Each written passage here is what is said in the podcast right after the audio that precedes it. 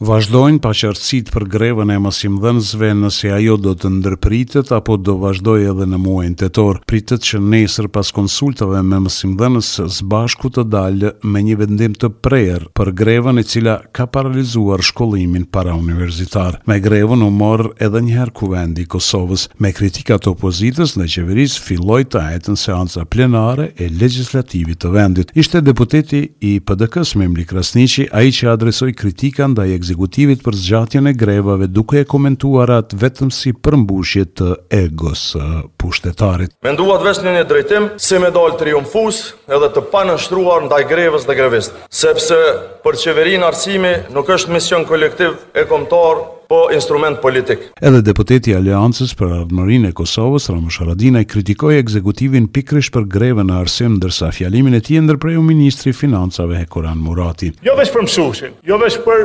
cilindo të punësum në sektor publik, por edhe në sektor privat, edhe të gjithë tjerë, janë shtrajtue produktet bazë, pra ushqimi, janë shtrajtue, hajde në foltore, a don, urdhno.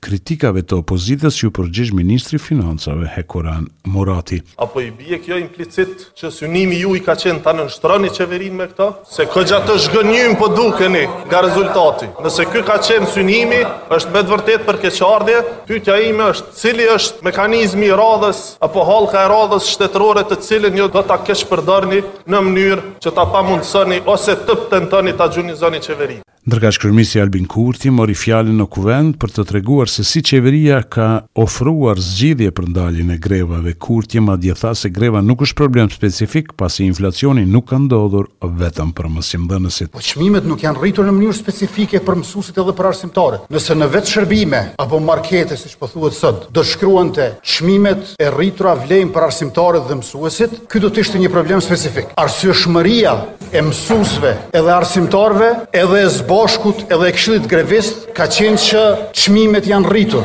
Çmimet janë rritur për të gjithë dhe për të gjithë ne kemi pakon e përballjes me inflacion. Opozita pati kritika ndaj qeverisë edhe për mungesë të investimeve kapitale dhe ikjen e të rinjve nga vendi. Ndërkohë që sot një deklaratë e ministrit të Financave, Hekuran Murati, që s'ka paga për grevistët, pritet ta acarojë edhe më tej situatën. Sidoqoftë, mbetet që nesër SBASHK-u ta bëjë publik vendimin se a do të vazhdohet greva apo do të fillojë mësimi. Tema e liberalizimit të vizave për Kosovën ka hyrë zyrtarisht në takimin e Këshillit të Bashkimit Evropian që mbahet më datën trembëdhjetë tetor. Lajmi është bërë i ditur nga Presidenca çeke e Këshillit të BE-së, duke bërë publik rendin e ditës për takimin e grupit punues të Këshillit Evropian. Ndërkohë Greqia ka konfirmuar mbështetjen e saj në procesin e liberalizimit të vizave për Kosovën. E ministri i Jashtëm i Republikës së Çekisë, Jan Lipavsky, ka deklaruar në Prishtinë se pritjet e tij janë të larta që shtetet e BE-së të marrin vendim pozitiv për liberalizimin e vizave për Kosovën.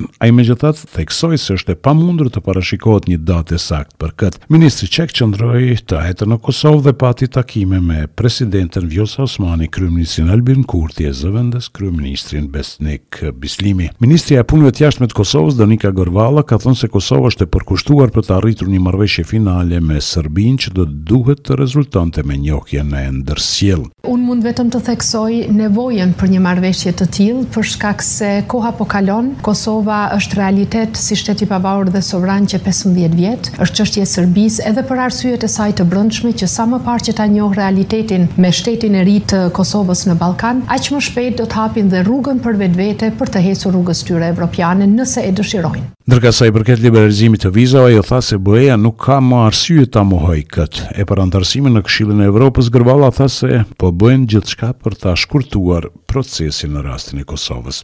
Kryetari i Këshillit Nacional Shqiptar, Ragmi Mustafi, ka deklaruar se çështja e Luginës së Preshevës duhet të jetë në tavolinën e dialogut ndërmjet Kosovës dhe Serbisë. Nuk mund të ketë normalizim të marrëdhënieve mes Republikës së Kosovës dhe asaj të Serbisë pa trajtuar edhe pozitën e shqiptarëve të Luginës së Preshevës, e cila iu ka nënshtruar një diskriminimi sistematik të Serbisë. Kryetari i AKR-së, Behgjet Pacolli, ka njoftuar se me ish-presidentët e Shqipërisë, Alfred Moisiu, Rexhep Meidani, Bamir Topi dhe ish-kryeministrin Pandeli Majko, ka vizituar ish-krerët e UÇK-së në Hagë. Pacolli ka shtuar tutje se qëllimi i kësaj vizite ishte solidarizimi me udhëheqësit e UÇK-së që tani po mbahen pafajësisht në paraburgim. Për Radion SBS Mendu Hysa, Prishtinë.